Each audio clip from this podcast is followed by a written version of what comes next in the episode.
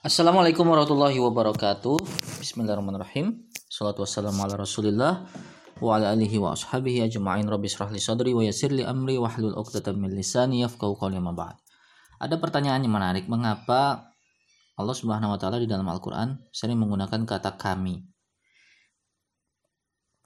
Dan insya Allah saya akan sedikit menjelaskan eh, rahasia keindahan bahasa di dalam Al-Quran, khususnya dengan kata ganti yang Allah sering gunakan yaitu kata ganti orang pertama yaitu kami.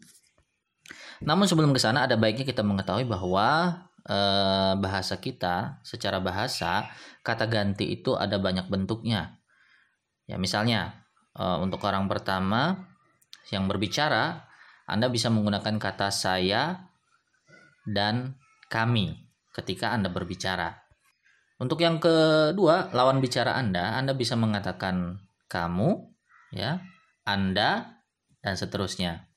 Yang menarik adalah dalam bahasa Arab, lawan bicara Anda itu ada enam bentuk, ya.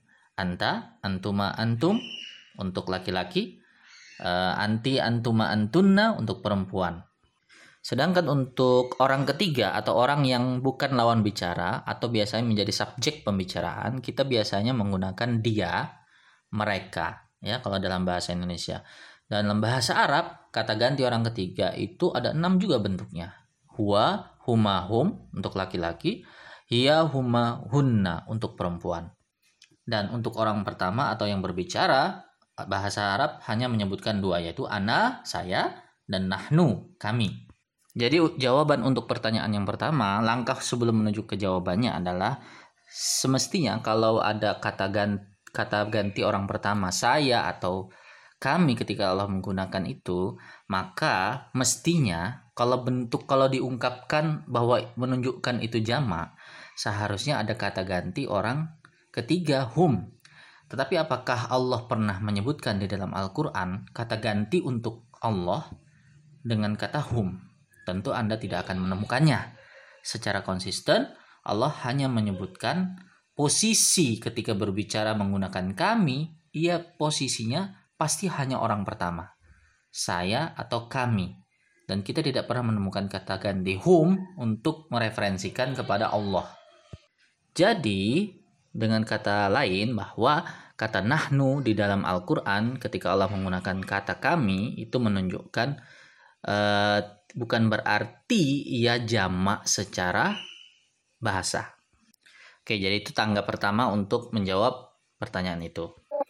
Nah, yang menarik yang kedua adalah biasanya ketika kita melihat atau membaca Al-Qur'an kata ganti dia untuk Allah, biasanya itu digunakan untuk dalam ilmu balaghah itu tab'id atau posisinya menjauhkan. Istilahnya Eh, kita lah namanya kata ganti orang ketiga posisinya tidak ada di lawan bicara kita. Kita sedang membicarakan dia. Dia jauh dari kita.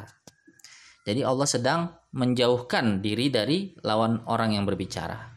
Berbeda dengan ketika ia berupa orang ganti pertama anta. Itu digunakan biasanya ketika seorang hamba berbicara kepada Allah atau berdoa kepada Allah. Ya jadi close sangat dekat. Seperti kita berbicara gitu berbicara secara langsung anta maulana fansurna alal qaumil kafirin dan seterusnya kita, kita ketika kita berdoa. Jadi ketika kita berdoa, maka itu menunjukkan, mengindikasikan bahwa kita dekat dengannya. Ya, kita dekat dengannya. Jadi kita tidak menggunakan kata huwa, tapi kita menggunakan kata anta. Innaka anta tawwabur rahim gitu misalnya. Lalu yang tersisa adalah kata ganti orang pertama saya atau kami. Kapan penggunaannya itu? Saya ingin memberikan satu ilustrasi contoh ya. Uh, walaupun Allah mungkin tidak layak untuk dibandingkan dengan itu, Allah lebih tinggi dari itu. Misalnya nih seorang raja lagi berbicara atau lagi berpidato atau presiden lah katakanlah, ia lagi berbicara. Uh, kami akan mengumumkan peraturan terbaru, misalnya gitu ya. Dan sedang ketika dia sedang berbicara itu ada orang yang memotong pembicaraan. Permisi Pak, permisi, instruksi Pak langsung dengan tegas ia mengatakan, "Saya lagi berbicara." Apa yang sedang dilakukan oleh uh, presiden tadi? Ia lagi marah, ya kan? Ketika ia marah, ia menggunakan "Mohon maaf, saya lagi berbicara." Nah, saya yang menggunakan. Padahal isi bicaranya tadi di awal kami, kami, kami. Tapi ketika ia berbicara langsung, itu menunjukkan mengindikasikan dia lagi marah, ia lagi menegur seseorang. Atau misalnya ketika ia lagi berbicara nih, lagi bicara kami, kami, kami, tiba-tiba ada anak kecil lewat dan uh, si, si presiden katanya, wah ada anak kecil sini, saya saya saya saya sangat sayang dengan anak sini, bawa sini dia. Jadi uh, kata saya juga yang digunakan ya. Jadi ada dua indikasi ketika Allah Subhanahu wa taala menggunakan kata saya. Satu menunjukkan betapa dia sangat marah atau dia menunjukkan betapa cinta dan kasih sayangnya. Ya, itu dua hal. Misalnya Allah Subhanahu wa taala mengatakan fa ana tawwabur rahim. Ya, ketika Allah menggunakan Allah sangat bergembira kepada orang-orang yang bertawabat, sangat senang dengan orang-orang yang bertawabat yang menggunakan kata ana. Ana tatawwabur rahim atau ketika Allah berbicara tentang azab ini u'azzibu azaban la u'azzibuhu azaban min alamin ya aku akan mengazab dengan azab yang tidak akan pernah kau temukan di mana pun selain azabku yang sangat pedih itu ekspresi gambaran bahwa Allah sangat marah gitu ya terhadap orang-orang ini yang pertama tadi Allah sangat bergembira, sangat senang ketika ada orang yang bertobat. Yang satunya lagi Allah menggunakan ekspresinya, menggunakan kata ana untuk menunjukkan betapa ia sangat marah. Misalnya Allah berbicara dengan iblis ketika ia enggan untuk bersujud. Iz amarna kah yang digunakan?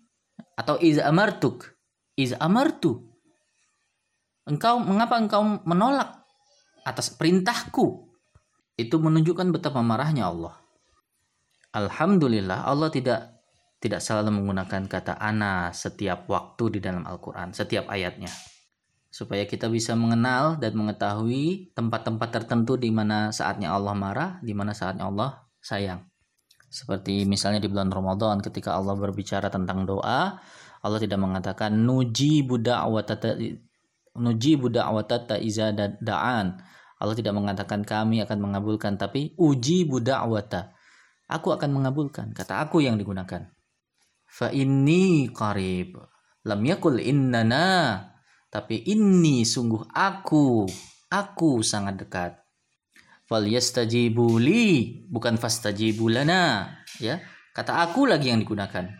Semua menunjukkan rasa cinta dan sayangnya Allah kepada hambanya. Karena bulan Ramadan adalah bulan yang spesial. Jadi orang pertama, kata ganti orang pertama yang digunakan. Subhanallah. Lalu kapan nahnu digunakan atau kami, kata kami digunakan? Kata kami digunakan ketika Allah memainkan peran sebagai seorang raja. Misalnya ketika Allah mengumumkan atau memerintahkan perintah ya, maka Allah menggunakan kata nahnu atau misalnya Allah sedang memberikan uh, spesial atau uh, nikmat yang begitu banyak, maka Allah menggunakan kata nahnu. Misalnya ketika Allah menurunkan bercerita tentang turunnya Al-Quran, biasanya Allah menggunakan kata nahnu karena Al-Quran adalah hadiah istimewa. Hadiah yang amat sangat istimewa buat manusia. Kata nahnu, inna nahnu nazzalna. Wa inna inna nahnu nazzalna al-zikra wa inna lahu lahafizun. Atau ma anzalna alaikal kitaba litashqa. Jadi nahnu biasanya digunakan ketika Allah sedang bermurah hati ya memberikan hadiah spesial kepada hamba-hambanya.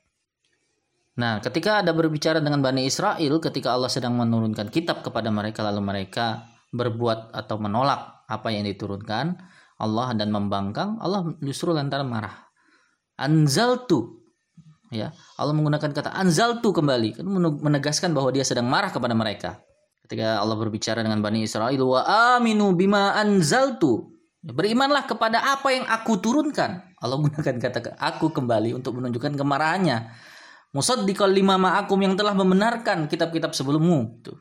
Dan kata kata uh, kata nahnu juga digunakan ketika Allah berbicara tentang air ya. Misalnya menurunkan air dari langit ya.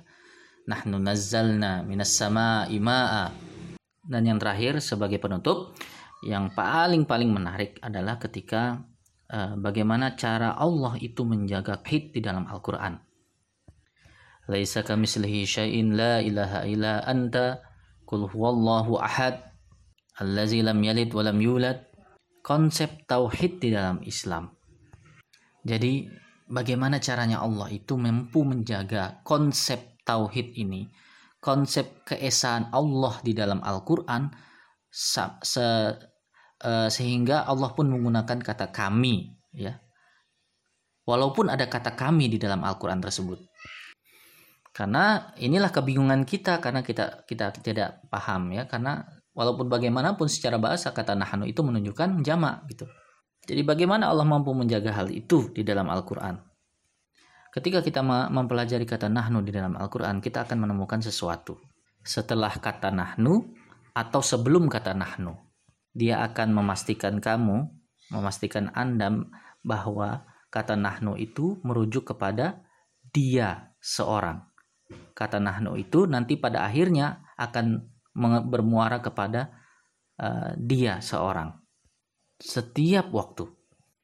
Inna a'tayna kal kausar sesungguhnya kami yang menurunkan eh, kami telah memberikan engkau wahai Muhammad al kausar siapa yang memberikan al kausar wi katakan kata kami ya. Perhatikan ayat selanjutnya. Fasalli li rabb bika wanhar. Fasalli ya bukan fasalli lina bukan sholatlah kepada kami tapi fasalli li rabbika.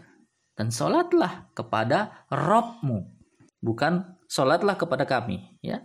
Supaya kita tetap ingat bahwa kata kami merujuk kepada keesaan Allah. Inna anzalnahu fi lailatul qadr.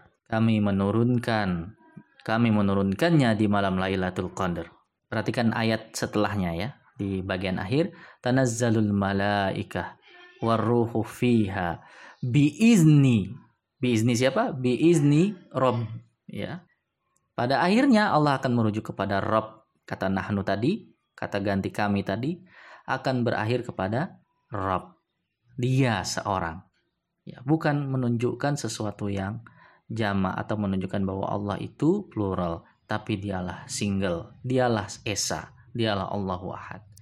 Demikianlah penjelasan terkait dengan pertanyaan mengapa Allah selalu menggunakan eh, kadang-kadang menggunakan kata kami di dalam Al-Qur'an. Mudah-mudahan ini memberi membantu kita semakin mendekatkan diri dan meyakinkan bahwa Al-Qur'an benar-benar firman Allah Subhanahu wa taala. Barakallahu li Assalamualaikum warahmatullahi wabarakatuh.